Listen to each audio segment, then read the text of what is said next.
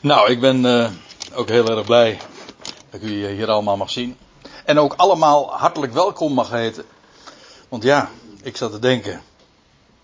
Op weg hier naartoe. Ik hoop niet dat er meer mensen dan 100 zijn. Want dan moeten we mensen gaan wegsturen. En nu kan ik iedereen hartelijk welkom heten. Geweldig toch? Zonder een broederlijke kus, Remco.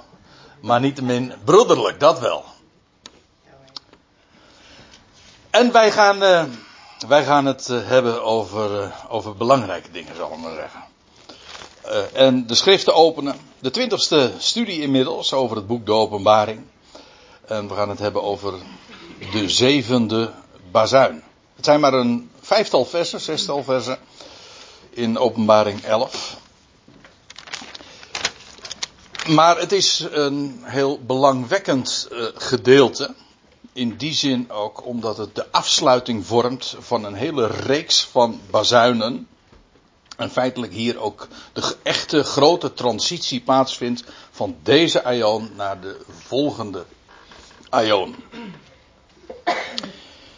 Uh, ik wil graag nog even in herinnering roepen wat ik de vorige keer ook al even heb opgemerkt. En dat is dat als je eenmaal ziet de, de lijn in het boek De Openbaring, namelijk dat het eerst gaat om de onderwerping van Israël en hoe God dan vervolgens vanuit Israël de volkeren ook aan zich gaat onderwerpen. Als je die lijn eenmaal ziet, dan ontdek je namelijk nog iets heel anders, namelijk de structuur in het boek die zoveel simpeler is. Gewoon doorgaan hoor.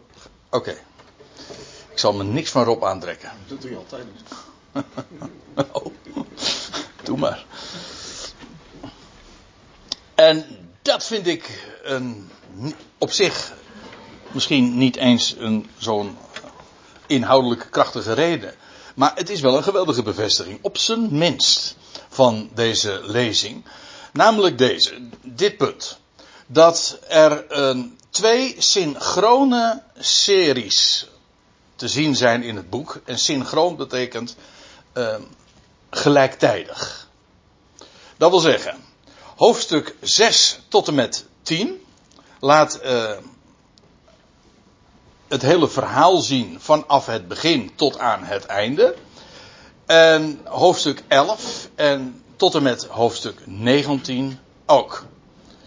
Ik had misschien beter hier kunnen zetten 6 tot en met 11, maar uh, daar kom ik straks nog eventjes op terug.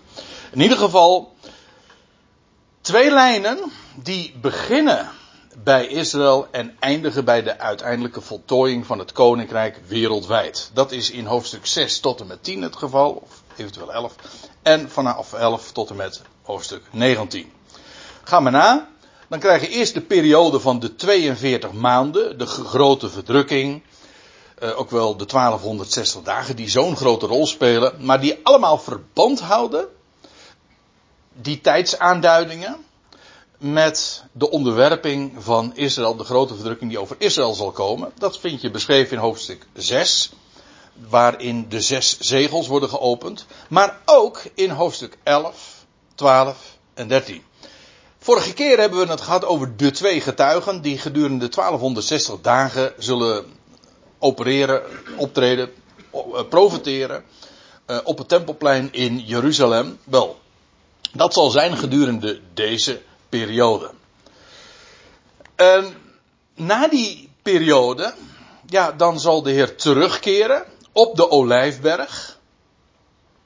En ten behoeve van zijn volk Israël. En dan zal het volk, wat nog overgebleven is, vluchten ook naar de woestijn. En daar zal het hele volk worden verzameld. En vanuit de woestijn zal men optrekken naar het beloofde land. Eigenlijk een herhaling feitelijk van wat je in het verleden ooit gehad hebt. Namelijk dat Israël ooit uh, verlost werd en vervolgens vanuit de woestijn optrok naar het beloofde land. En dat ga je in de toekomst opnieuw meemaken. Israëls herstel. En dan zal het koninkrijk worden, uh, worden gevestigd in Jeruzalem. De hut van David, de dynastie van David zal worden hersteld. Dat wordt beschreven in hoofdstuk 7, in die e eerste serie. Maar ook in hoofdstuk, in die wat de tweede serie betreft, in hoofdstuk 14 en 15. En dan krijg je vervolgens na het herstel van Israël en ook eigenlijk gelijktijdig met het herstel van Israël, vindt er een ander proces plaats, namelijk de gerichten over de natie, over de volkeren. Want als Israël eenmaal is onderworpen en de Heer ook is teruggekeerd, daar begint de troon en, en uh, het koninkrijk en vanaf, vanaf de troon dat de zoon zijn heerschappij gaat vestigen. Dan zullen vervolgens de koning, de, de, de volkeren uh, worden gericht. 144.000 die er ook op uit zullen trekken om, het, om de boodschap van het koninkrijk te gaan prediken. Dat wordt beschreven, deze periode, in hoofdstuk 8, 9 en 10. Met de appendix in hoofdstuk 11, vers. Uh, nou ja, in dat wat we vanavond dus gaan bespreken. Maar het wordt in de tweede serie beschreven in hoofdstuk 16, 17, 18 en 19. Zie, u ziet hier dus de twee series die helemaal synchroon verlopen. Dus hoofdstuk 6 en hoofdstuk 11, 12 en 13, hoofdstuk 7 en hoofdstuk 14 en 15 en hoofdstuk 8 en 9 en 10. Uh, dat valt gelijktijdig met hoofdstuk 16, 17, 18, 19. Zodat je dus een hele feitelijk simpele structuur hebt in het hele boek. Waar die ook keurig chronologisch is opgebouwd. Eerst de 42 maanden, daarna Israëls herstel. En vervolgens ook de gerichten over de volkeren. En ik zou eigenlijk er nog aan toe kunnen toevoegen. De vestiging van het koninkrijk. En de grote zevende dag, de Sabbatdag. Het Messiaanse Rijk. De duizend jaren. Of hoe het, ook maar heten mag. Dan één opmerkelijk ding doet zich wel voor. En ik heb daar de vorige keer al even op gewezen. Namelijk, eh, en, en ik doe dat hier ook. Dus als het gaat over die appendix. Eh, dat is hier dus. Namelijk die appendix die we vanavond bespreken. De zevende bazuin. Want die verwacht, die vind je op een plaats dat je hem chronologisch gezien niet zou verwachten. Dat is de enige uh, maar, zeg maar, in dat chronologische verhaal en die eenvoudige structuur. Dat is de enige aantekening die ik daarbij moet maken. Maar laat ik het zo dan duidelijk maken. Je hebt, ik, zei, ik had het net over twee series. Je zou het ook anders kunnen uitbeelden. Namelijk als twee schakels. Hier deze schakel, en dat is dan hoofdstuk 6 tot en met 11. En hier hoofdstuk 11 tot en met 21. Nou, dan vind je uh, in hoofdstuk openbaar, in openbaring 9 de zesde bezuin beschreven. In openbaring 10 uh, dat eigenlijk een soort van intermezzo, een geopend boekje, maar volgt daar chronologisch ook keurig op. Dan krijg je, opmerkelijk genoeg, hoofdstuk 11 met de zevende bazuin. Dus je krijgt de zesde bazuin, is deze intermezzo, en dan krijg je de zevende bazuin. Maar wat we de vorige keer hebben besproken, zou je eigenlijk dus hier verwachten, maar dat is in deze, omdat het deze twee series verbindt, krijg je dat hier. Dat verhaal van die twee getuigen, waar we het de vorige keer dus over hadden, dat vind je hier. En zodat je hier deze serie hebt. En je hebt de, deze serie, die ik hier in paars uitbeeld. Maar dan krijg je dus in de beschrijving eerst de twee getuigen en dan de zevende bezuin. Je zou het andersom verwachten, maar omdat hier net de link ligt tussen de twee uh, series, vind je hier die omkering en ik beeld het expres op deze manier uit, omdat je op deze manier eigenlijk ook uh, gemakkelijk kunt zien van waarom dat zo is. Het, het het verbindt de twee series. Vandaar dat je eerst de twee getuigen krijgt, daarna de zevende bezuin. Hoewel het chronologisch omgekeerd is. Ik geef toe, hij is wat ingewikkeld. Het is de eerste keer dat ik het ook uitleg. Het is de eerste keer dat het mij eigenlijk ook min of meer duidelijk is. Want ik heb me hier wel over verbaasd. En misschien dat ik het ooit nog eens een keertje op een, uh, een wat simpelere manier kan vertellen. Maar ik vertel het nu zoals ik weet uh, dat het is. Of in ieder geval zoals ik uh, het probeer duidelijk te maken. trouwens, je krijgt, het verhaal gaat natuurlijk gewoon verder. Je krijgt dus deze lijn van openbaring 9, openbaring 10, openbaring 11, openbaring 11. ja, ook hier dus en openbaring 12. Dit is de chronologie, zoals de, de lijn zoals je het in het boek vindt. En dit is de chronologische lijn. Hebt u hem nog? Met excuses dat het wat ingewikkeld begint. Ja. Maar goed, zo, zo wilde ik het graag uh, duidelijk gemaakt hebben. Ja, daarover hebben we het dus inderdaad. En goed, laten we maar gewoon nu dat gedeelte aanvangen. Want we hebben de vorige keer dus dat gedeelte over de twee getuigen gezien, eh, besproken. En dat eindigt dan bij vers 13. Ja, in, in mijn Bijbeltje zie je dan de, uh, een nieuw pericoopje starten bij vers 15, maar dat is volgens mij fout. Dat eh, 1 vers tot en met vers 13 hoort bij elkaar, namelijk dat van de twee, van de twee getuigen. En vanaf vers 14 pakt de draad weer op van die bazuinen. Want daar staat er, laat ik het gewoon lezen. Het tweede wee ging voorbij. Let op, het derde wee komt snel. Maar nu worden we dus weer even herinnerd aan waar we het al eerder over hadden, namelijk over die bazuinen.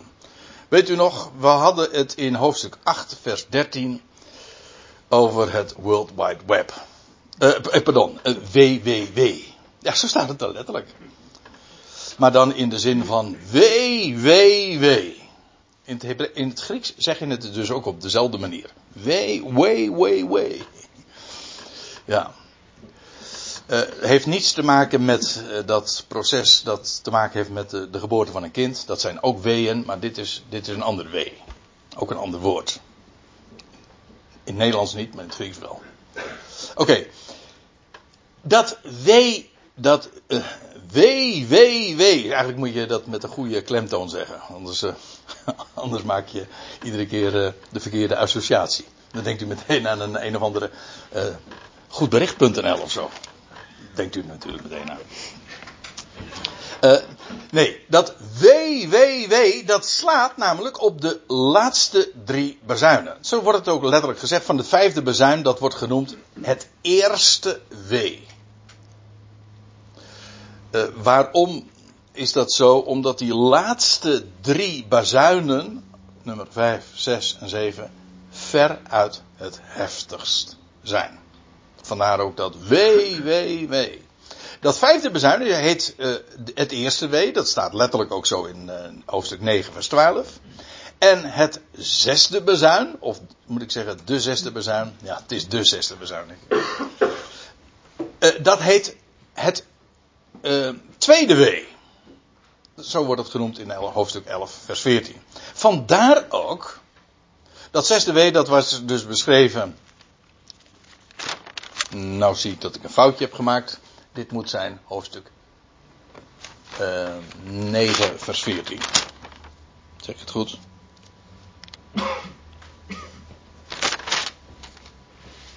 Nee, toch niet. Dus hier dus. Inderdaad, uh, gewoon 11 vers 14. Neem me niet kwalijk.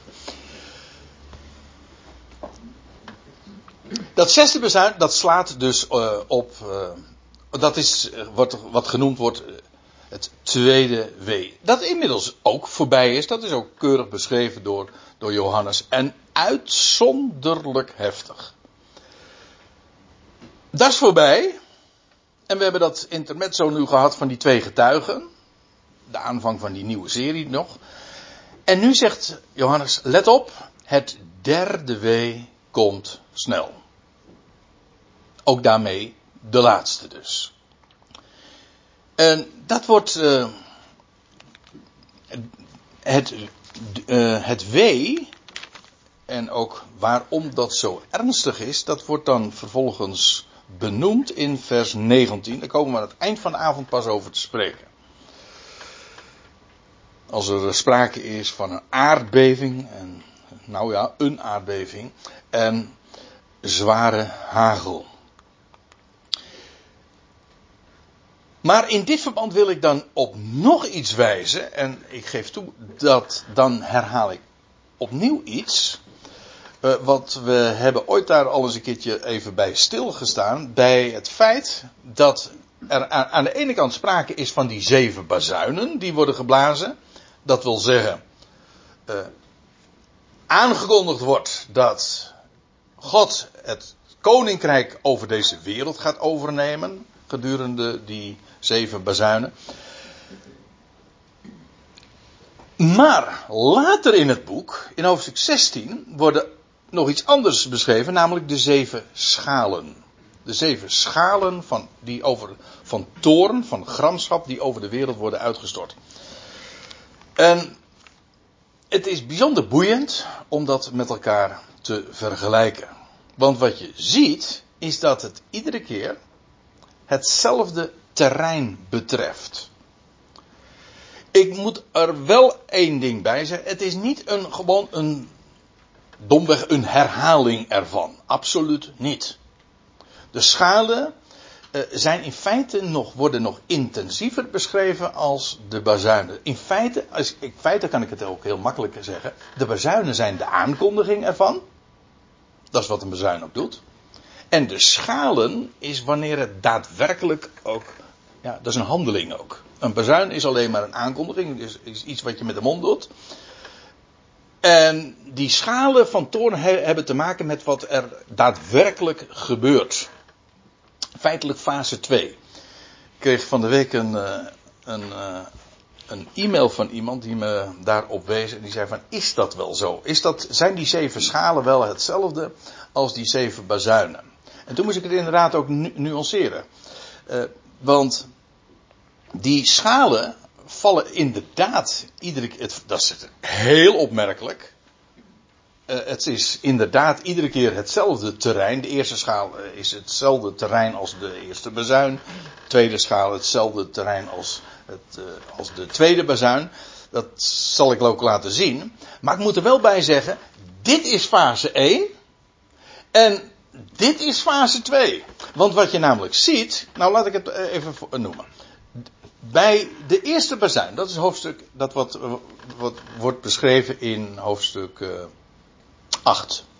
Hagel en vuur. En daar staat er iedere keer bij, een derde van de aarde en ook van de vegetatie verbrand.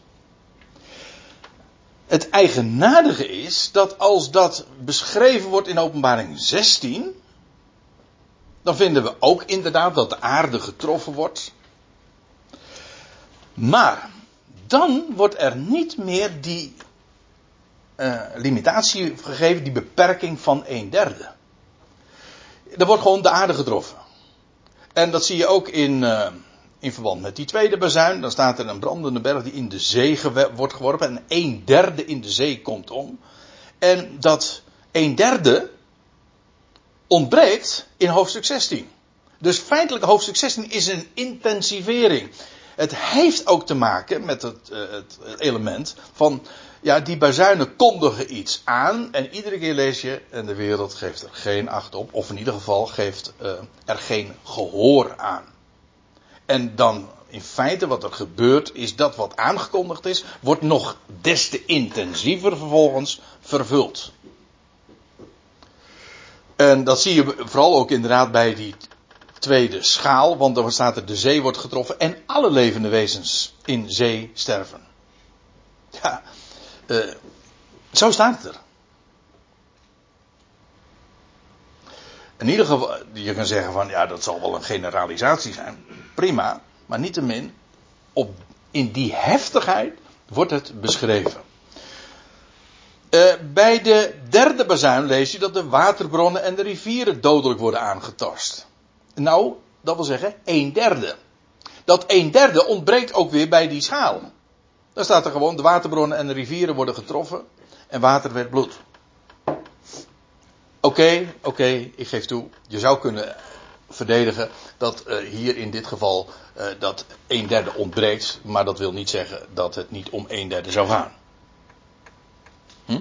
Dat kan dat argument gaat alleen niet op bij die tweede schaal. Want dan wordt er inderdaad uitdrukkelijk gezegd van uh, alle levende wezens in, in de zee sterven.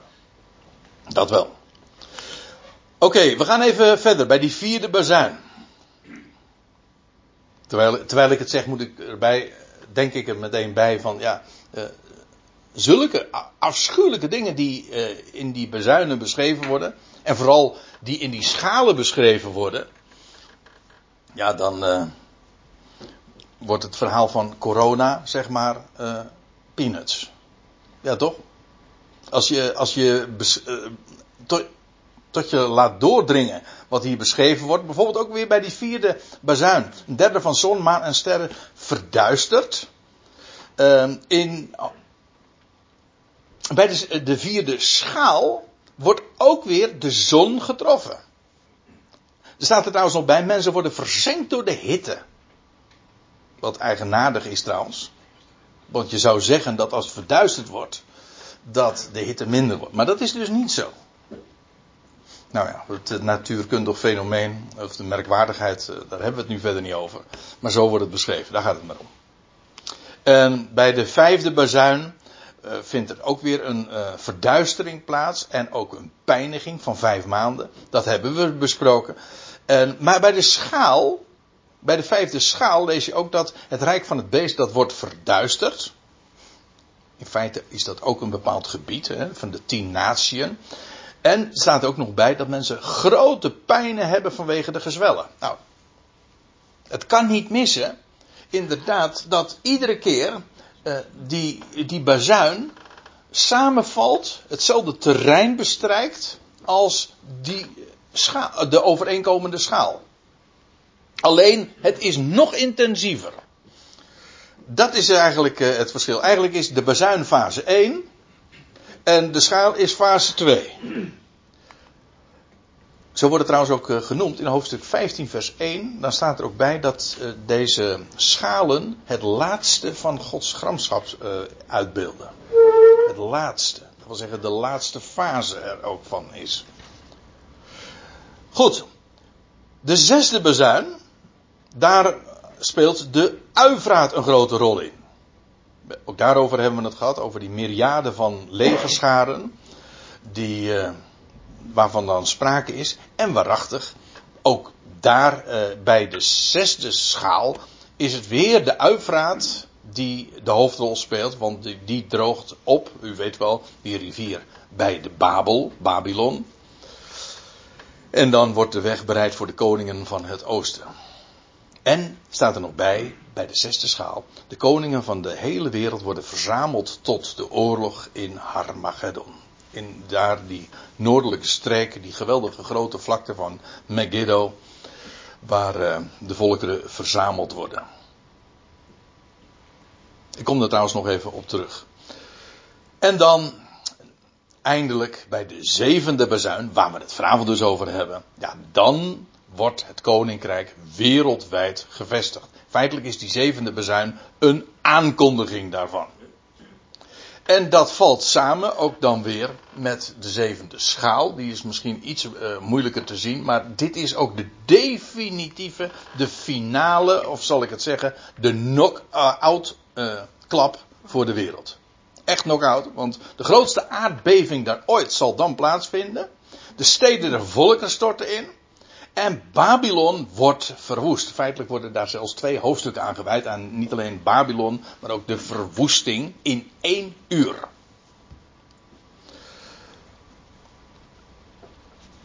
Ja, en als eenmaal dat bolwerk uh, ja, vernietigd is, verwoest is, ja, dan is het koninkrijk wereldwijd gevestigd. We praten dus over hele concrete dingen uh, ik zou haar zeggen zelfs eng concreet. Zo, wauw, wat, wat, uh, wat moet er eigenlijk nog uh, plaatsvinden voordat die overgang daadwerkelijk voltrokken is en de nieuwe Aion gevestigd is. Dat is een buitengewoon ingrijpend, wereldwijd gebeuren en pijnlijk ook in alle opzichten een, eh, een, een, een opeenstapeling en een aaneenschakeling ook van rampen en gerichten.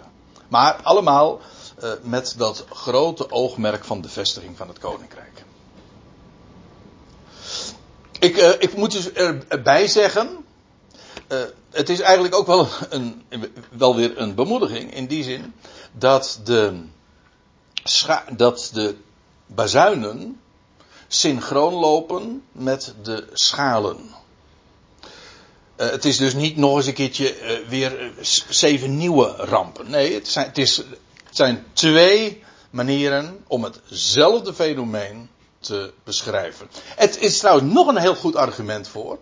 En dat is dat de schalen, nee, pardon, de bazuinen die beginnen bij het herstel van Israël.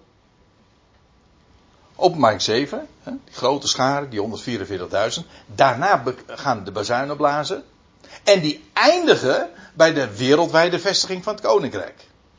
Hetzelfde krijg je met de schalen, waar we het bij een latere gelegenheid veel uitgebreider nog over gaan hebben.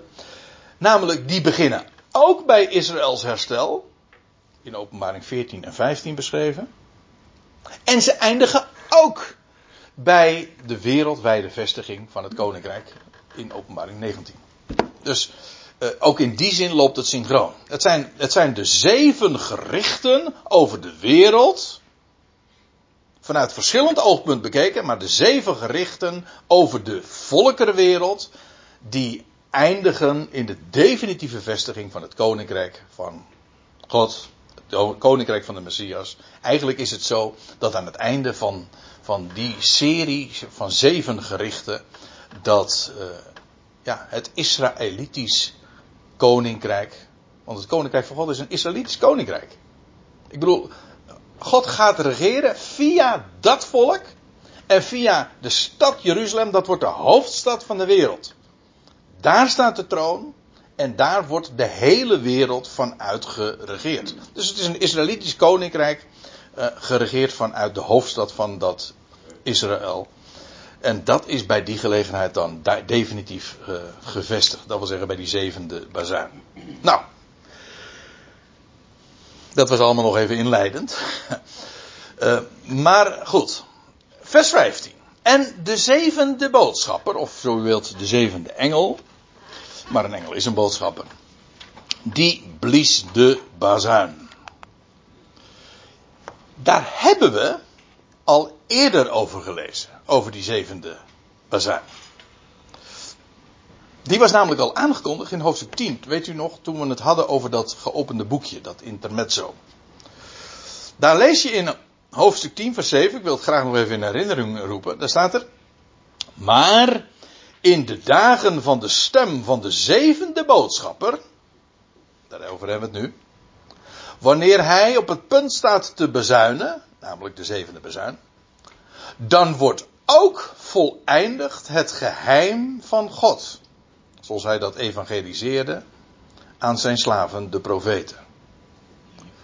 Dat wil zeggen, wat de profeten ooit hebben aangekondigd, is dan voleindigd. Wat trouwens ook alweer een aanwijzing is dat inderdaad dat moet gaan over het, de wereldwijde vestiging van het koninkrijk. Uh, dat is, heet ook het, de voleindiging van het geheim van God. Dat heeft met nog iets te maken. Namelijk, laten we even verder lezen. En de, in openbaring 11. En de zevende boodschappen, die blies de bezuin. En dan staat er, en er geschieden grote stemmen in de hemel, zeggende. Herinnert u zich nog dat we daarover gehad hebben? Want, wat lazen we in hoofdstuk 10, vers 4? Daar lazen we over, een, over iets over donderslagen die klonken.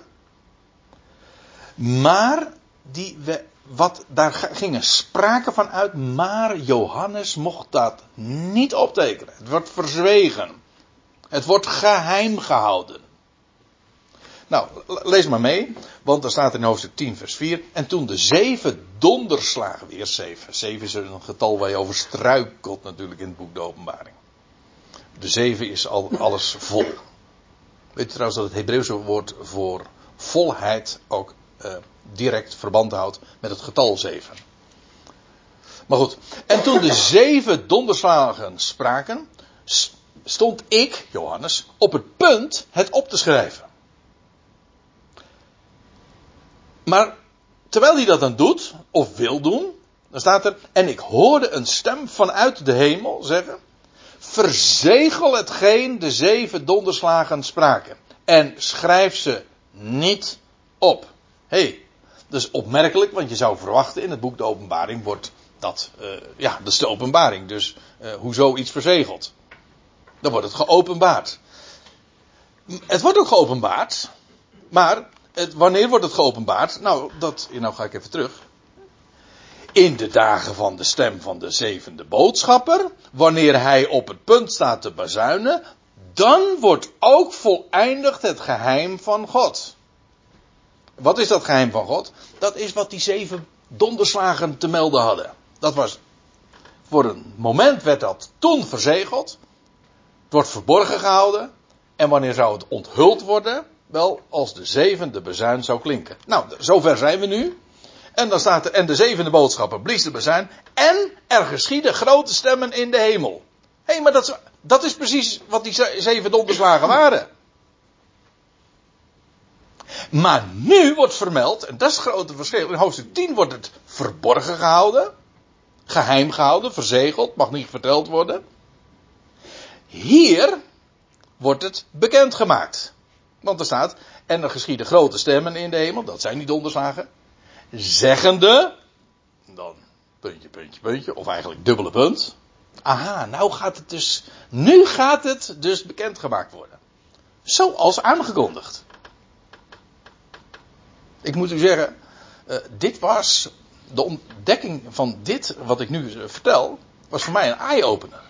Want het is mij uh, lange tijd volstrekt onduidelijk geweest wat het geheim van die zeven donderslagen nou waren. Terwijl het er, en dat heb, dat heb je al vaker, ik weet niet of u dat fenomeen herkent wat ik nu vertel, uh, dat je op een gegeven ogenblik zo'n aha-erlebnis hebt, dat je ineens, ah, dat is het. En dat je jezelf gaat verwijten waarom je het niet eerder zag, want het stond er toch al lang. Hoe kon je zo dom zijn dat het je ontging? dat heb ik nog eens een keer. Dat ik denk, hè? Uh, waarom snapte ik dat eerder niet? Ja, maar goed. Uh, er geschieten grote stemmen en nu wordt ook gezegd wat ze zeggen. Ja, en wat, wat zegt nou die zevende boodschapper. En, de, en wat, wordt er gezegd bij het blazen van de zevende bazuin? Overigens, ik wil nog, nog iets wijzen. Ik heb er, ben vergeten een diaatje ervan te maken. Of een paar diaatjes van te maken. Maar ik wil u even meenemen naar Jozua 5. Nou, naar de geschiedenis van Jozua 5. Die kennen we allemaal. Namelijk de val van Jericho. Want daar hebben we een opmerkelijke parallel in die geschiedenis met wat hier wordt beschreven. Want hoe was het ook alweer? Jozua, alleen dat vind ik al zoveel zeggen, Jozua, Jehoshua, gewoon dezelfde naam als Jezus. Alleen het ene is Hebreeuws en het andere is Grieks. Jozua, die het volk van Israël in het beloofde land brengt. Door de Jordaan heen. Het was trouwens op de derde dag. En Israël moest uh, inderdaad de ark volgen. Op een afstand van ongeveer 2000 el. Ja, hoe duidelijk moet de hint zijn dan? Hè? Uh, het wil gewoon zeggen, Israël volgt Jozua en volgt de ark, uh, maar op een afstand, op de derde dag en op een afstand van ongeveer 2000 ellen. De twee millennia. 2000 jaar. Eerst gaat de ark door de Jordaan, door de doodsjordaan. Dood en opstanding. Israël doet dat ook, maar volgt op afstand. Namelijk van 2000. 2000 x later. Want wat een L is, dat, dat, ja, wat is een L? Ja, dit is een L. Maar die van René is veel langer dan die van mij hoor. Zo? Denk de, ja, ik bedoel, eh, hoe groot ben je? Trouwens, die, eh, de mensen in het Midden-Oosten, die, was een L inderdaad een stuk korter, hè? Ja, die mensen waren gewoon kleiner van stuk. Dus uh, erg officieel is het niet. Maar het maakt eigenlijk ook niet uit. Het gaat, in de MBG-vertaling, nee, in de, het is niet de MBG-vertaling, het is geloof ik de Groot Nieuwsvertaling. Dan staat er, uh, er dat het een afstand moest zijn van ongeveer een kilometer.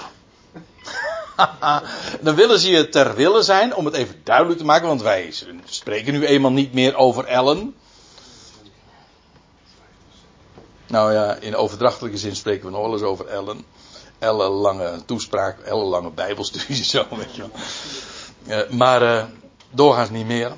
En dan willen ze ons, uh, de vertalers wilden ons ter willen zijn. Zeggen van nou weet je, we vertalen het gewoon met, uh, dus ongeveer een L is een halve meter. Dus dan is 2000 L ongeveer een kilometer. Heel leuk. Dank u wel MBG-vertalers. Maar we zijn er niet mee gediend. Want de clue zit hem niet in die L, maar juist in die 2000. ja, Israël volgt de ark na, maar op een afstand. Maar, nou ben ik nog steeds niet bij mijn verhaal aangekomen. Want als Israël haar ark, de ark nagevolgd is, dan komen ze dus aan de andere kant. En de eerste stad die ingenomen wordt, dat is Jericho. Type van deze wereld. Diep, het is trouwens de oudste stad ook van de wereld. En het ligt ook op het diepste punt. Maar hoe, ik, hoe, hoe ging dat toen? Bij de inbezitneming van de, van de stad, de eerste grote stad van, van, uh, van het beloofde land. Nou, we weten het. Ze moesten er zeven keer omheen gaan. Maar er staat op een andere manier ook nog bij iets uh, bij vermeld. Niet alleen maar zeven dagen. En op de zevende dag ging het gebeuren. Maar er waren ook zeven priesters. Die zeven bazuinen droegen. Of zeven ramshoorns. Shovarim. Shovars. Uh, droegen. Ja. En dan ging het volk onder leiding van die zeven priesters die voorop gingen met hun zeven ramshoorns, met hun zeven bezuinen, trokken om Jericho. Maar pas de zevende dag uh, ging het gebeuren. Ja, op die, en op die dag gingen ze er nog eens een keertje zeven keer om de stad heen. Zo groot is het dus ook nu weer niet geweest. Maar goed ging men er zeven keer omheen en, dus bij, en bij de zevende keer, dus in totaal is men dertien keer om de stad heen gelopen. Dat was voor Jericho geen geluksgetal, nee. En toen, bij die zevende keer, toen moesten de zeven priesters met de zeven bazuinen hard blazen en het hele het volk moest zo hard uh, roepen en juichen dat de muren ervan gingen instorten. En dat deden ze ook. Dat vind ik zo'n mooi verhaal. Uh, een mooi verhaal, een mooie geschiedenis. Want dit is een geweldig mooi type van wat er straks gaat gebeuren bij de zevende bazuin. Wanneer wordt, is, wanneer wordt deze wereld ingenomen? Wanneer wordt deze wereld het bezit van de Messias? Ik zal het straks aantonen. Wel, dat is bij de zevende bazuin. En ook bij de, uh, na zeven, na een serie van zeven, dat mag je toch niet ontgaan. Zeven dagen, zeven keer om de stad heen, enzovoort. En bij de zevende gebeurt het, en dan die zeven bazuinen klinken. En dan, als die zevende bazuin ook klinkt, ja, dan valt Jericho, wam, zo. Hoe was het ook alweer? Toen viel de stad uh, om Rome de bom, ja. Zoiets. En dat is uh, wat er toen gebeurde, is een profetisch plaatje van wat er in de toekomst gaat gebeuren. En uh, eigenlijk valt de wereld zo in de schoot van uh, de koninkpriestelijke natie van Israël. En dan wordt het hun eigendom. Maar ook daar, het gaat me nu eventjes om het feit dat het zeven priesters en zeven bazuinen waren. Goed. Ja, en laten we even teruggaan naar de openbaring 11 vers 15. En dan staat er, en de zevende boodschapper, die blies de bazuin.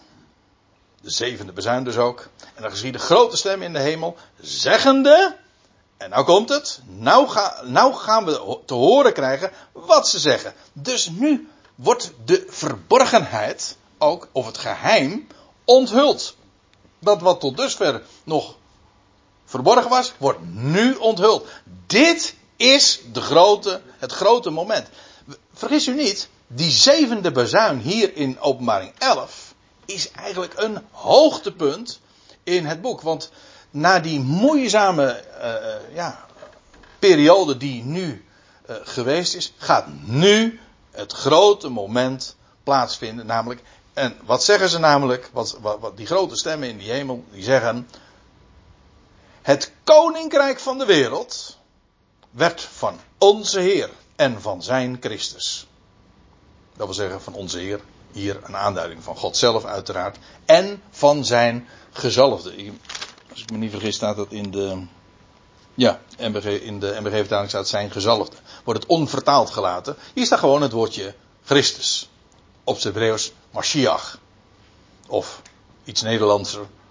Uh, Christus of Messias. Nou ja, in ieder geval. Maar het is altijd de aanduiding van iemand die gezalfd is. Het koninkrijk van de wereld.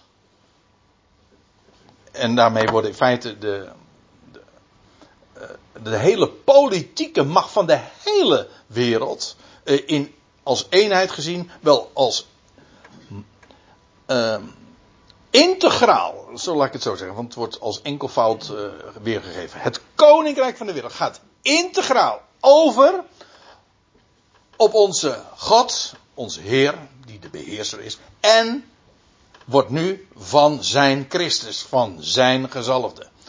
Eindelijk gaat hij nu de heerschappij aanvangen. Hij is nu al de koning, maar hij is gezeten aan de rechterhand Gods en niemand ziet er iets van. Wij zien er niks van. En dat is trouwens ook helemaal niet de bedoeling. Het is allemaal nog verborgen. Hier wordt het openbaar. En hier wordt het ook uh, de facto de waarheid. Dat wil zeggen, het domein van deze hele wereld gaat dan toekomen aan, aan God en aan zijn Christus. Eindelijk. Op de zevende dag, inderdaad. De Shabbat. De grote wereldsabbat die breekt ook aan. En wat dacht je wat? Die duurt ook, zo, want zo rekent hij, die duurt ook inderdaad een millennium.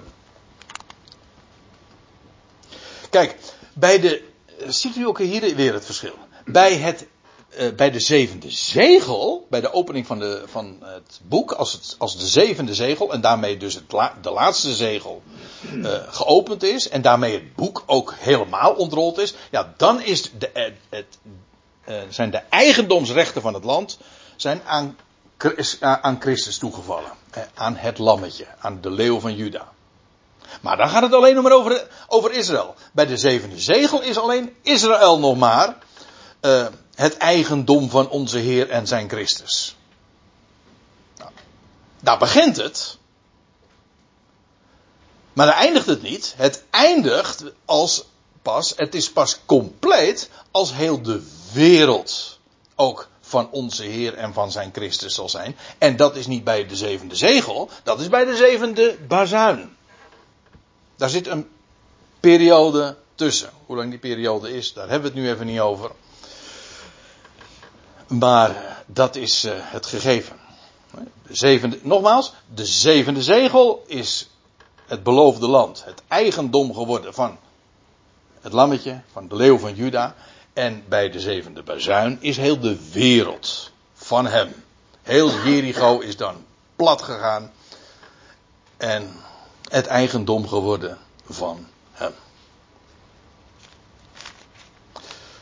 Dat, wordt, dat is wat er gezegd wordt uh, bij, de, bij, de, bij het blazen van de zevende bazuin. Het koninkrijk van de wereld werd van onze Heer en van zijn Christus. Dit, dit vijftiende vers van openbaring 11 is echt een, een grote mijlpaal in, in, in de ontwikkeling van het boek.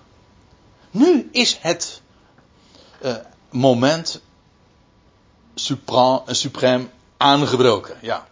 En ja, dan, uh, dan staat er nog bij. En hij, en dan gaat het over, zijn, over de Christus van God, zijn gezalfde, zijn Mashiach. Hij zal koning zijn. Niet alleen over Israël, nee, over de hele wereld. En hij zal koning zijn tot in de Ionen van de Ionen. Ja, en dus niet tot in alle eeuwigheden. Nee, als u een statenvertaling hebt, dan staat er geloof ik in alle eeuwigheid. Als ik me niet vergis. Corrigeer me als het niet zo is. Wie heeft er hier een statenvertaling? Gezien de Statenvertaling inderdaad alle eeuwigheid. Ja, alle eeuwigheid. In de NBG-vertaling staat, staat alle eeuwigheden. En er staat en geen eeuwigheid en er staan geen eeuwigheden. En het woordje alle staat er trouwens ook niet. en uh, er wordt een dubbel meervoud, wordt hier gewoon maar weg uh, gemoffeld. Er staat tot in de ionen van de ionen. Dat is een overtreffende trap. Zoals je de koningen der, of de, uh, de liederen der liederen, of wat, uh, wat heb je nog meer? De heiligen der heiligen. Uh, ik, kan er meestal heel veel noemen, maar. Uh, de heren der heren, de koning der koningen. Dat zijn allemaal van die, uh, dat is een typische Hebreeuwse overtreffende trap. Of zeg ik het goed? Ja. Dus van alle koningen is hij de koning. En van alle ionen zijn dit de ionen. Overtreffend. Wij spreken in, die staat trouwens niet in de Bijbel, de tocht der tochten. En uh, die gaat ook uh, nooit meer gereden worden waarschijnlijk. Dat is ook over. Ja, dat is van alle tochten is dat de tocht. Ja. ja. Maar goed, uh, dit is de ionen van de ionen. Kijk, in die hele reeks van ionen die er zijn, van wereldtijdperken, gaat nu de tijdperken aanbreken die alle voorgaande ionen uh, overtreffen. De huidige ion is een boze ion, en maar de komende ionen, de komende wereldtijdperken, te beginnen bij de duizend jaren, maar ook de tijd daarna, na nog, dat zullen overtreffende wereldtijdperken zijn. Hoezo? Wel, het, hier wordt het antwoord gegeven, omdat hij daar koning zal zijn. In recht en gerechtigheid, eindelijk wordt deze, is deze boze ion dan ook vervangen door een, ja, een geweldige wereldtijdperk. Hij zal dan koning zijn. En tot in de ionen van de ionen. Dat wil zeggen dus de ionen die dan nog gaan volgen. Maar niet, uiteraard niet tot in alle eeuwigheid. Want als je 1 Korinthe 15 leest, dan, weet je, dan weet je al dat hij moet heersen totdat. En als, als hij eenmaal ook de laatste vijand aan zijn voeten zal, uh, zal teniet gedaan hebben, hè, dat is de dood, ja, dan zal hij het koninkrijk overdragen aan zijn God en Vader. En dan wordt God alles in alle. En, ja, maar hij, dat, dat tot in alle eeuwigheden heersen, dat klopt van geen kant. En in feite, in feite met die vertaling komt het ook nooit tot volheid. Het nooit tot een einde. Het ook nooit tot succes. Want hij moet heersen juist om het allemaal tot een goed einde te brengen. En als het eenmaal tot een goed einde gebracht is, draagt hij een volmaakt koninkrijk. Waar niemand en niets ontbreekt, aan ontbreekt, zal hij overdragen aan zijn God en Vader. Nou ja, dat is een onderwerp apart natuurlijk. En uh, in feite praten we hier dan ook over het ABC van het Evangelie. Dit is zo'n fundamenteel gegeven. Maar. Uh, nou goed, waarvan akte? Hij zal koning zijn tot in de ionen van de ionen. En dan staat er nog bij, en de 24 ouderen, of oudsten, maar eigenlijk staat er niet een overtreffende trap, maar een vergrotende trap. De 24 ouderen, die in het zicht van God op hun tronen, op hun. Hey, dat God moet hier uh, weggelaten worden, dat is. Thuis kom, doe ik dat nog even. Maar die op hun tronen zitten, ja, zo is het. Uh, die ouderen, die 24 ouderen, die kennen we inmiddels. Want die kwamen we al voor het eerst tegen in, wat was het? Openbaring 5. Nee, openbaring 4. En toen hebben we ze al uh, geïdentificeerd. Want uh, de 24 ouderen, ja, dat zijn eer, ouderen, dat zijn eerstelingen. Hè? Ouds, ja, feitelijk ook oudsten, maar daarmee ook begiftigd met het eerstgeboorterecht. En als je het eerstgeboorterecht hebt, dan krijg je een dubbel deel. Ja, nou dat is ook wat, wat deze ouderen krijgen. Ze representeren Israël. Uh, de ouderen, het eerstgeboorterecht, ze krijgen een dubbel deel van nou toch 2 maal 12. En zij uh, zijn koninklijke en priesterlijke natie. Dus in die dubbele functie worden ze hier eigenlijk ook neergezet.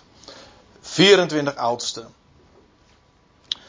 Uh, we, hebben ze, we hebben daar al uh, bij de eerdere gelegenheid hebben we er toen wat meer, wat specifieker nog bij stilgestaan. Nu is het eigenlijk genoeg om erop te wijzen dat juist nu, nu heel de wereld dus inmiddels het koninkrijk is geworden van onze God en zijn gezalfde, dat ook die 24 ouderen, oftewel het, die het volk van Israël representeren, symboliseren, zo u wilt, ja, die zitten op de tronen in het zicht van God en die gaan inderdaad ook spreken, want er staat ze vielen neer op hun gezicht en ze aanbaden God.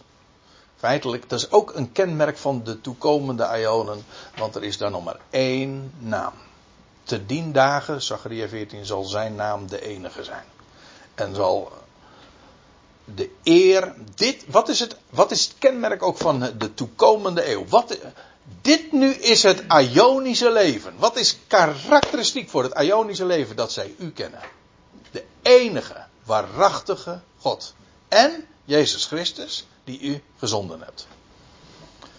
En dat gaat vanaf dan ook bewaarheid worden. Vandaar ook die 24 ouderen, uh, die vallen neer op hun gezicht en ze aanbidden God, zeggende: Wij danken u, Heer God, de Almachtige.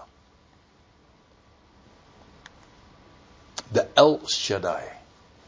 Dus niet alleen maar degene. Hier staat in het Grieks het woordje pantokrator. En dat betekent eigenlijk ja, letterlijk degene die alles beheerst. Uh, in het Hebreeuws is de gedachte van El Shaddai God die algenoegzaam is.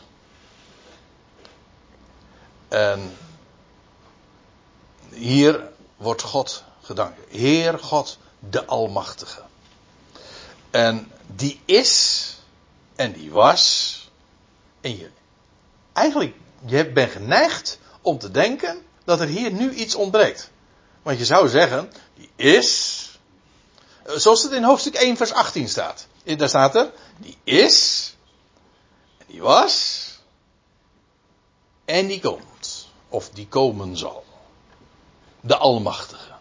Ja, maar hier is het alleen maar die is en die was. Waarom ontbreekt dan die woorden en die komt? Om een heel eenvoudige reden. Hij is gekomen. dus het is niet meer hij zal komen. Nee, hij is er. Dat is nu juist het geweldige van die zevende bazuin. Nu is dat de waarheid geworden. Dus het is niet langer opportun om te zeggen van ja, die komen zal. Hoezo komen zal? Hij is gekomen. Dat is wat juist nu uitgebazuind wordt. Een mooi woord in dit verband. En staat er nog bij dat u uw grote macht hebt opgenomen. En koning bent. Nou, hoe duidelijk wil je hebben dat het hier inderdaad bij de zevende bezuin gaat om een aankondiging van het koninkrijk dat wereldwijd is aangebroken. Want hier, staat ook inderdaad dat de Heer God en die 24 ouderen, als representanten van Israël nogmaals, die danken en aanbidden God voor het feit dat nu de zijn uh, grote macht, uh, dat hij zijn grote macht heeft opgenomen en dat hij daadwerkelijk, concreet, de koning is. Dus dat koninkrijk van God waar we het over hebben, dat is maar niet een of ander vaag gegeven. Nee, het, hij is werkelijk de beheerser, maar ook daadwerkelijk zal hij in deze wereld, onder de volkeren, op de enige plaats die daar ook voor uh, bestemd is, namelijk, ja, welke stad is de stad van de grote koning? Jeruzalem, Matthäus 5 de stad van de grote koning. Daar zal hij heersen en zijn koninkrijk vestigen en uitbreiden over de hele wereld. En bij de zevende bezuin is dat gerealiseerd via dat koninklijk priesterlijke volk. Nou, dan eh, hebben we nog twee versen te gaan, maar ik stel voor dat we eerst even gaan pauzeren. Is dat. Oké, vrienden. Ik stel voor dat wij uh, weer verder gaan. Bij, uh, bij vers 18 zijn we inmiddels gekomen. Nog even recapitulerend, we hadden het dus over de, die 24 ouderen die dan gaan spreken en dan zeggen: Wij danken u, Heer God, de Almachtige, die is, die was, en dat u uw grote macht hebt opgenomen en koning bent. En dan blikken ze terug en dan zegt, en dan melden ze, en de natieën, de volkeren, die waren boos geworden. Ja, want een van de dingen, dat is opnieuw weer een bevestiging van die benadering waar ik het voor de pauze al over had. Die natieën, die keren zich gedurende deze tijd uh, tegen Christus zelf. Het is een, uh, kijk, als je aan het einde van die, van die zegels, bij het zesde zegel, dan lees je dat de Heer zal komen, de zon en de manen verduisteren. Maar dan lees je dat alle volkeren zich keren tegen Jeruzalem. En dan, zal, en dan roepen ze om de Heer, om Yahweh. En dan zal hij komen en dan zal hij zijn voeten zetten op de olijfberg. Maar dan vervolgens krijg je de gerichten over de volkeren.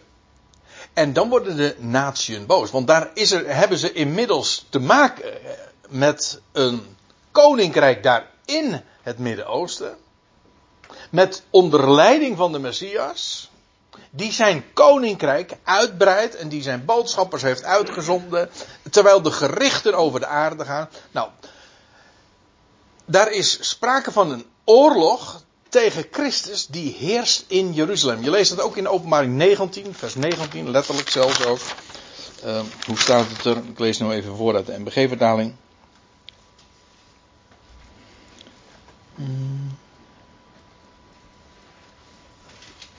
Het staat er niet meer. Jawel, het staat er wel. Jawel. Ik denk. Ja. ja er, gebeuren, er gebeuren tegenwoordig zulke rare dingen. En ik zag het beest. Oh ja, daar, staat. En ik zag het beest. Uit de zee dus. En de koningen der aarde. En hun legerschade. Verzameld om oorlog te voeren. Tegen hem die op het paard zat. En tegen zijn, en tegen zijn leger. Dus. Uh, Oké, dan kun je zeggen van ja, maar dat is symboliek. Maar het idee is juist, er is sprake van een oorlog. Aan de ene kant van het beest en, en alles wat aan zijn zijde staat. Maar ze zijn die is gericht tegen hem die inmiddels zijn koninkrijk is gestart daar in Israël. Heel letterlijk. En dat, dat lees je dus ook in, in Psalm 2. En wat we in Openbaring 16 ook vinden, dat is bij de zesde schaal. Corresponderend dus met de zesde bazuin. Dan lees je dat de natieën verzameld worden in het dal van Megiddo. Harmageddon. Ze worden daar ook verzameld. Er staat letter, niet ze verzamelen zich, maar ze worden daar verzameld. Daar in die eh, enorme vlakte. En dat is een, een oorlog op een later tijdstip. Dus dat is al uh, op een veel later tijdstip dan dat uh, de Heer zal. dat de Heer verschenen is op de Olijfberg. Hè, dan wordt het koninkrijk gevestigd. En dan aan het einde van die periode, of, en ook vlak voorafgaand aan dat het, het, koninkrijk wereldwijd baan breekt, wel zullen de natieën zich verzamelen in dat dal van uh, Megiddo. Ze worden daar verzameld. En, en er staat er nog bij, uh, de natieën waren boos geworden. Dus die zijn vertoornd, zo, dat woord wordt er gebruikt. En uw boosheid kwam. Hé, hey, maar nou zijn er twee boos. De natieën zijn boos. Op het feit dat daar die spelbreker in het Midden-Oosten zijn koninkrijk aan het vestigen is. De Messias. En, de, en nu uh, is het ook God zelf die zijn boosheid uh, gaat uiten. Ja. En ik wil daar. Uh, ik wil u even meenemen naar Psalm 2, want daar wordt dat namelijk ook zo geweldig beschreven. Daar gaat het ook over dit conflict. In Psalm 2, geschreven door David, die daarover schrijft. En laat ik het, laat ik het lezen. In deze letterlijke vertaling. Waarom woelen natieën en mompelen volkeren ijdelheid? Dat, dat woelen vind ik zo'n prachtig eh, mooi beeld, want dat, dat schept de associatie ook of van, een, van een zee die, die woelt en, en een en al rumoer en turbulentie. Uh, nou ja, we hadden het in de pauze al over dat de wereld momenteel al helemaal klaargemaakt wordt uh, klaargemasseerd wordt uh, en, en, in een apocalyptische mindset terechtkomt. En we, of aanvoelt van er gaan, gaan dingen gebeuren. Wel, dat proces, dat, zal, dat zullen we de komende jaren wel gaan meemaken. Dat enorm heftig zal worden. Waarom woelen natie? Mompelen volkeren ijdelheid. Koningen van de aarde staat hier. En machthebbers. Die spannen samen tegen Yahweh en zijn gezalfde soortgelijke taal als wat we eerder lazen in eh, vers, wat was het? Van uh, openbaring 11. In uh, vers hm. 15. Ja. Het koninkrijk is uh, toegekomen aan, aan Yahweh, aan zijn gezalfde. En nu zijn de koningen van de aarde daar niet mee eens. En wat doen ze? Spannen samen tegen Yahweh en zijn gezalfde. En dan zeggen ze, wij scheuren hun banden los en wij werpen hun touwen van ons. Maar dan staat er, die in de hemel zetelt, die lacht. En mijn Heer spot met hen. Ik, uh, ik, denk dat we er niet genoeg eigenlijk bij kunnen stilstaan en ons ervan bewust kunnen zijn uh, hoe belangrijk het is om dit perspectief te houden. Dat uh, terwijl er zoveel op je afkomt aan nieuws en dergelijke. En wat er allemaal gezegd en gemompeld wordt. En, ge en gewoeld wordt aan turbulentie. Uh, is uh, zich vertoont. Het, de hemelse view. het hemelse zicht daarop te hebben. Als je vanaf, van bovenaf naar dingen kijkt, naar beneden. Dan, dan zie je de dingen heel anders en beleef je, wordt je perceptie compleet anders dan wanneer je ertussen je beweegt. Dat kent u toch als je, als je in een vliegtuig zit of je staat op een berg en je kijkt daar naar dat gemier, daar uh, beneden in het dal of daaronder, oh, kilometers onder je. Nou, die in de hemel zetelt, die lacht. Mijn Heer spot met hen. En dan zegt hij, dan spreekt hij tot hen in zijn toren.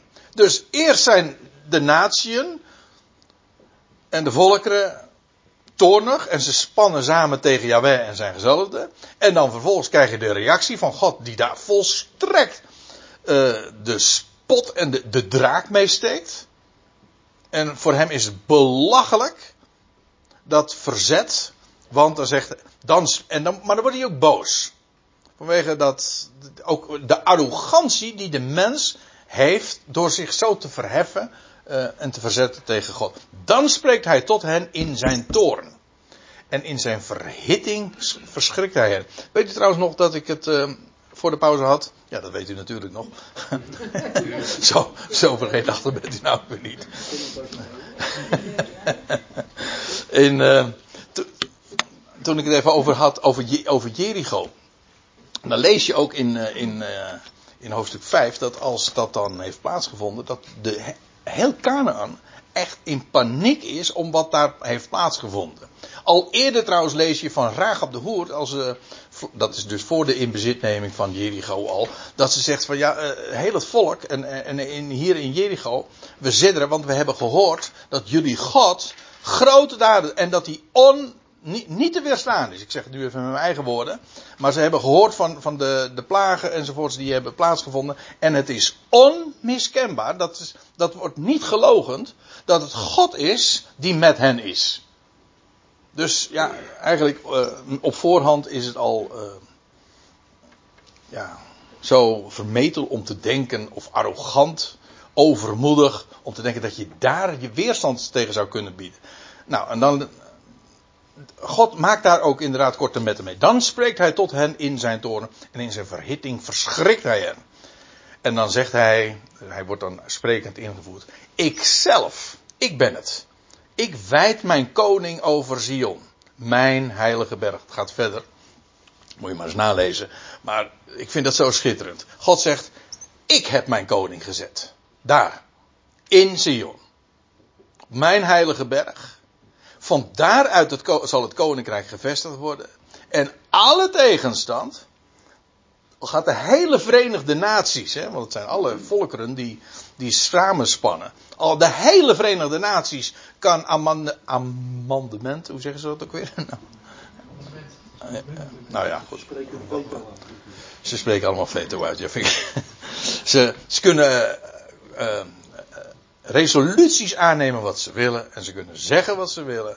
Maar Gods raad zal bestaan. En ja, dat is zo'n geweldige uh, zekerheid. God zegt, ik heb mijn koning gesteld over Zion en daar vanuit zal geregeerd worden. En daarom al die weerstand zal gebroken worden. Oké, okay, uh, nou moet ik even terugbladeren. En de koningen die, oh ja, die 24 ouderen die zeggen dan, en de natieën die waren boos geworden, en, nu, en uw boosheid kwam, en dan staat er vervolgens, en het tijdstip van de doden om geoordeeld te worden. Het is nu ook gekomen. Nu zit er een addertje onder het gras. Want je zou denken, van, oh, nu eh, vindt nu al het oordeel van de grote witte troon plaats. Dat is toch nog duizend jaar later. Nee, Weet u wat dat is? Dat oordeel waar het hier over gaat van de doden. Ik zeg, dat is het loon om het loon te geven aan uw slaven. Hoe ik dat weet? Nou, lees even verder.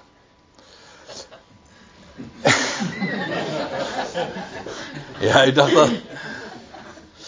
Het tijdstip van de doden om geoordeeld te worden. En wat heel dikwijls trouwens de betekenis heeft van namelijk. Het zijn twee zinnen die aan elkaar gekoppeld worden. Voegwoord, hè. En het loon te geven aan uw slaven. En dat loon. Uh, ja, die slaven die worden vervolgens gedefinieerd. Maar die, dat loon, dat is, dat is de eerste opstanding. Dat, dat is de opstanding die voorafgaat aan de duizend jaren.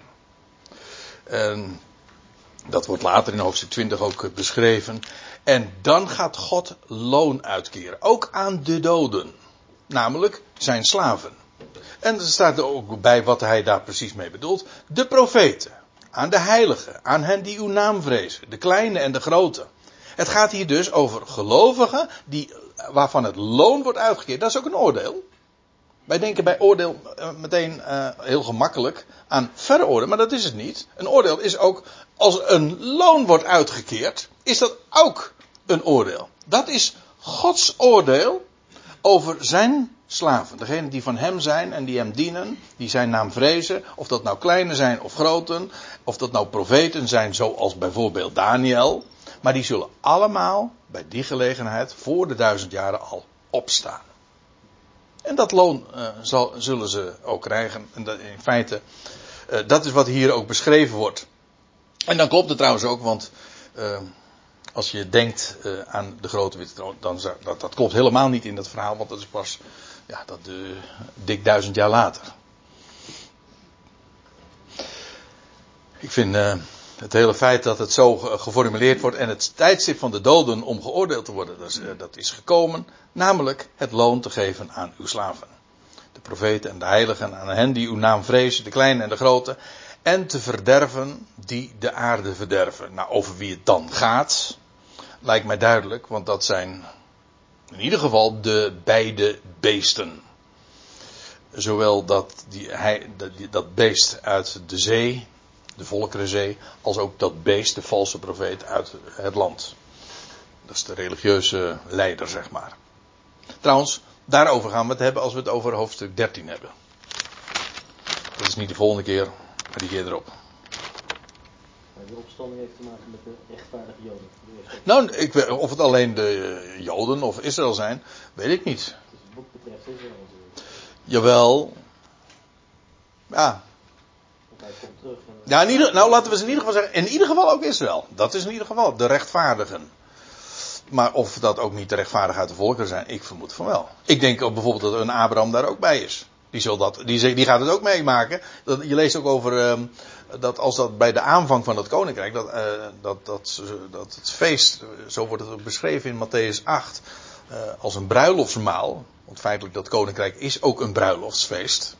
Een nieuw verbond wordt gesloten enzovoort. Maar eh, dan lees je dat Abraham, Isaac en Jacob daar aan liggen. Nou zeg jij, ja maar dat zijn toch Israëlieten? Nee, dat klopt niet.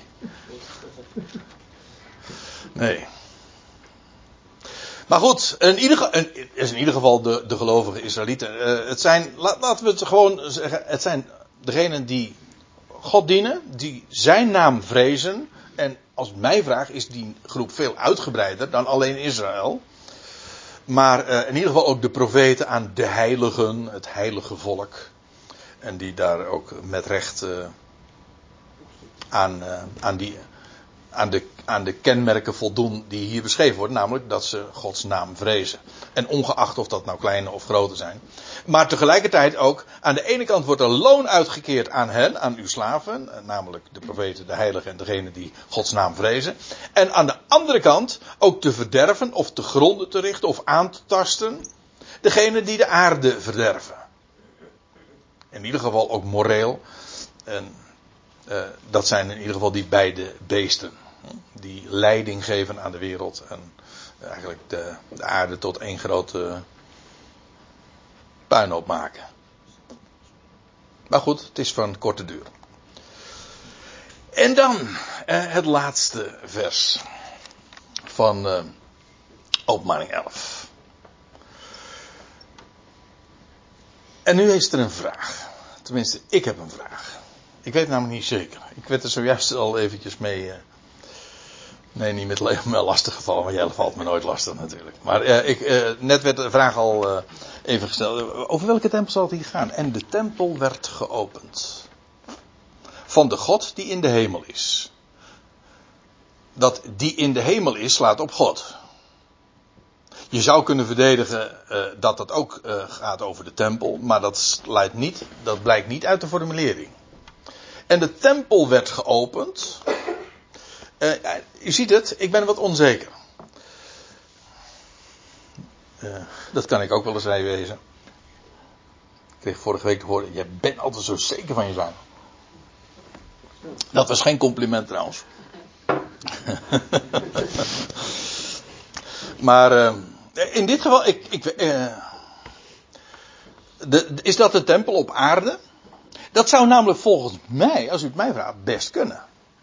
Want ja, als we praten over Israël is inmiddels hersteld. Uh, de volkeren uh, die zijn nu gericht en nu, worden, nu gaat het koninkrijk ook wereldwijd aanbreken. Uh, waarom zou de tempel ook niet bij deze gelegenheid worden opengesteld? Gewoon, letterlijk, die in Jeruzalem. Hè? Ja, er komt in ieder geval weer een tempel daar. Want je leest ook dat in openbaar, nou ja, hoeveel schriftplaatsen zijn er niet? Uh, de pelgrims we zullen wereldwijd optrekken gedurende de duizend jaren. Oké, dat is in de duizend jaren. En we praten hier nog net over de tijd die daar pal aan vooraf gaat. Hier, wordt die, hier wordt die periode, de duizend jaren, eigenlijk ingeluid. Hè? Eigenlijk vrij letterlijk. De zevende bezuin klinkt. En nu gaat het koninkrijk aanbreken. En zou het kunnen dat bij die gelegenheid ook gewoon de tempel letterlijk in Jeruzalem wordt opengesteld? Ja, ik, ik, ik, ik, stel het als vraag. Volgens mij zou het heel goed kunnen. En dat. Uh, en de tempel werd geopend van de God die in de hemel is. En als je zegt van ja, maar uh, God woont toch ook in de hemel. Dat is ook zo. Daarom, je zou het ook geestelijk kunnen opvatten. In die zin, of nee, niet geestelijk, hemels kunnen opvatten. wat lastiger vind ik deze dan. En de ark van zijn verbond werd gezien. In zijn tempel. U ziet, hè, ik, ik zit nu hard op te denken, want ik, ik heb een, een vraag. Ik, ik, kan dat, ik, ik kan zowel het een als het ander verdedigen. Maar in principe ga ik. Dat is. Daar. Sorry? In die tijd zullen de volkeren opstomen tot Jeruzalem en omgeleerd worden. Ja, gedurende de duizend jaren. Ja, en dan staat er ook. Oh, dat is dat vers wat ik nog wilde aanhalen. Dat bijvoorbeeld in. in nou ja, Jezaja 2 is erg beroemd. Uh, wordt er wordt ook genoemd in, in Micha 4 dat de volkeren zullen opgaan naar zijn huis. Hè, om daar geleerd te worden aangaande Jawes wegen. En, ja, Ja, precies. Dus waarom niet letterlijk? En, en daar juist, ik noem het, ik zeg het vragend, omdat ik er misschien niet helemaal zeker van ben. En, en omdat als je alle uitleggingen ervan op, uh, erop naast laat zeggen van ja, dat is de tempel in de hemel. Uh, maar waarom? En ja, ik, ga, ik opteer in principe altijd voor de, meest letterlijke uitleg als die gewoon valide is. Waarom dan, waarom, waarom dan moeilijk doen? Waarom dan voor een andere uitleg kiezen? Dus uh, ik hou hem nog even overeind. Maar als u, uh, ik hou me graag ook aanbevolen. Ik zei het de vorige keer ook al even in verband met een andere kwestie. Waar we het voor de pauze over hadden. Uh, ik hou me altijd aanbevolen als u zegt van. Het zou, ik kreeg van de week nog voor iemand een mailtje. En zegt van joh, jij had het zo verteld. Hij zei, maar zou het niet zo kunnen? En ik vond dat een eye-opener geweldig. Dus. ja, het, ik, ik vind het. kijk, ik sta ik, ik, ik, sta in dit geval, ik zit hier te oreren en ik vertel u mijn bevindingen. Maar u doet ook bijbelstudie. En u doet ook uw bevindingen. Ik vind, en ik vind het prachtig om dat met elkaar uh, te delen. Goed, uh, even terug naar die, die, die, tempel. Die wordt opengesteld van, in ieder geval de, van de God die in de hemel is. En daar staat erbij, en de ark van zijn verbond werd gezien. Van zijn verbond. Welk verbond? Ja, gewoon van het verbond met Israël natuurlijk. Uh, hier doet zich trouwens opnieuw een grootse vraag voor. En daar wil ik heel graag nog eens een keertje wat meer. Uh, wat, wat, ook wat dieper in duiken en wat meer over gaan vertellen. Maar gaat het hier over de ark van het verbond die ontdekt is? Of gaat het hier over een hemels ark van, in, van verbond? Want u moet namelijk dit weten. Er staat in Jeremia een eigenaardige tekst. In Jeremia 3, vers 16. Ja, u kent alleen Johannes 3, vers 16. Maar dit is Jeremia 3, vers 16. Uh, daar staat wanneer je. Gaat, dit gaat ook, kijk maar in de context. Dan, uh, dan gaat het ook over de tijd van het, uh, van het Messiaanse Rijk. En dan staat er dit. Wanneer jullie je dan vermeerderen en vruchtbaar zijn in het land, in die dagen, luidt het woord van Yahweh, dan zal men niet meer spreken van de ark van het verbond van Yahweh. Het zal niemand in het hart opkomen. Men zal haar niet herinneren en niet zoeken. Ook niet meer worden gemaakt. Ja, hoe duidelijk kan iets wezen? Hè? Dus in ieder geval die ark die men had. Uh, die is er niet meer. Die gaat men ook niet zoeken. En die zal ook niet weer meer gemaakt hoeven worden. Trouwens, u, weet, u kent het verhaal over de ark van het verbond. Ja, daar is een hele mooie film over gemaakt, hè. The Raiders of the Lost Ark. Prachtige film trouwens. Mooie opnames van die film. Hoe heet, uh, van, hoe heet die gast ook weer? Indiana Jones. Indiana Jones, ja. Uh, bij die, er zijn hele mooie opnames in die film. Wie heeft hem gezien? Raiders of the Lost Ark. En aan het eind van die, van die film worden prachtige opnames zijn er gemaakt in Petra. Weet u dat? Ja. In Jordanië. Maar goed. dat gaat ook over die ark, de zoektocht naar de ark. Waar is die ark gebleven? Nou, die gaat straks, die gaat niet meer gezocht worden. Hij zal ook niet meer gemaakt worden. Hij zal ook dus niet meer in het hart opkomen. En toch, en dat is mijn, dat is mijn punt. Hier in openbaring 11 wordt er gezegd, die, die tempel wordt opengesteld. Some way, somehow. En de ark van zijn verbond werd gezien in zijn tempel. Welke ark? Als die, als die gevonden is, dan is het dat je niet meer. Ja, dat is er ook nog eentje. Dat die, vandaar ook dat ik gezegd heb, is die gewoon ontdekt? Is die gewoon ontdekt? Ja, dus op een of andere manier, die ark was zoek geraakt. Heel verborgen.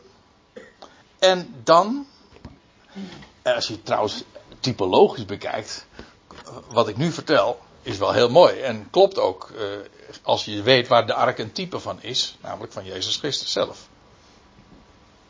Zoek, verborgen. En straks, dan is hij daar. Ze hoeven hem niet te maken. Ik bedoel, men hoeft niks te creëren. Hij is daar.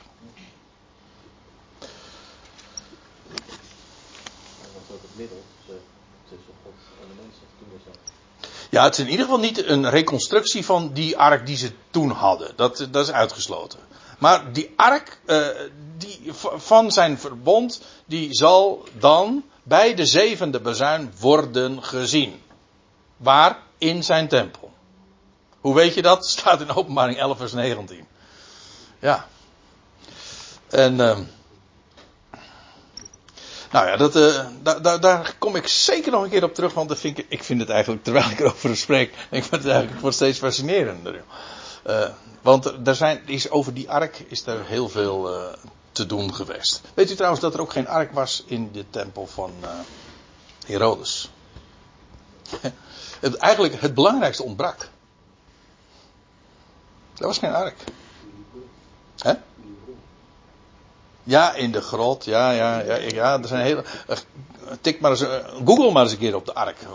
Wat daar allemaal over verteld is en zo. Er liep ook een soort ark rond toen. Een soort. Ja, en sommige mensen zeggen hij ligt op Ararat. Maar dat is een andere. Ja. ja.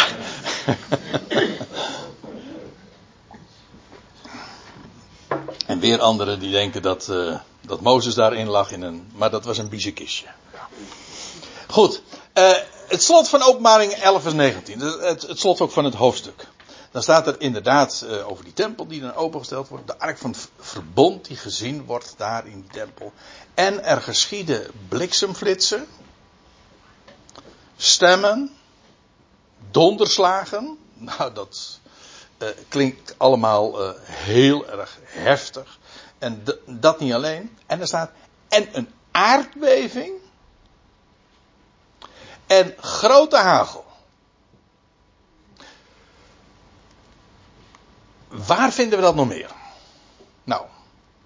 Ik gaf het al even aan. Want ik, weet u nog dat er gezegd wordt in vers. Daar begonnen we de Bijbelstudies ongeveer mee. Met vers 14. Dan staat er. Het tweede wee is voorbij gegaan. Zie, het derde wee komt spoedig.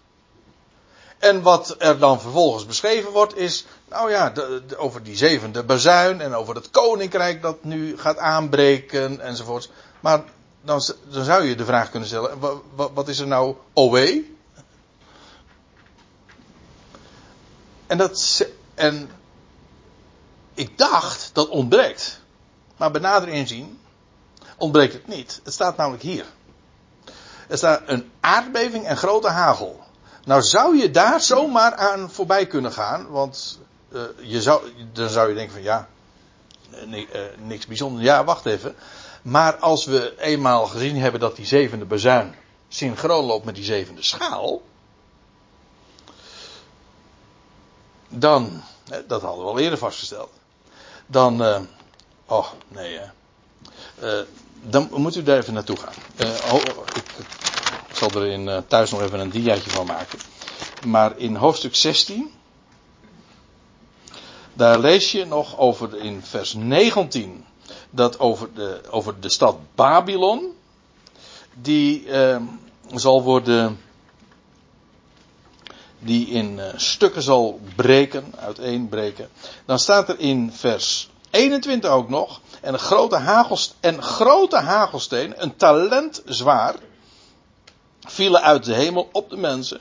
En de mensen lasterden God vanwege de plaag van de hagel, want de plaag daarvan was zeer groot. Oh ja, en daarvoor wordt nog, is dus sprake van een grote aardbeving. Nou moet ik het. Ach, waarom lees ik nou niet gewoon vanaf vers 17?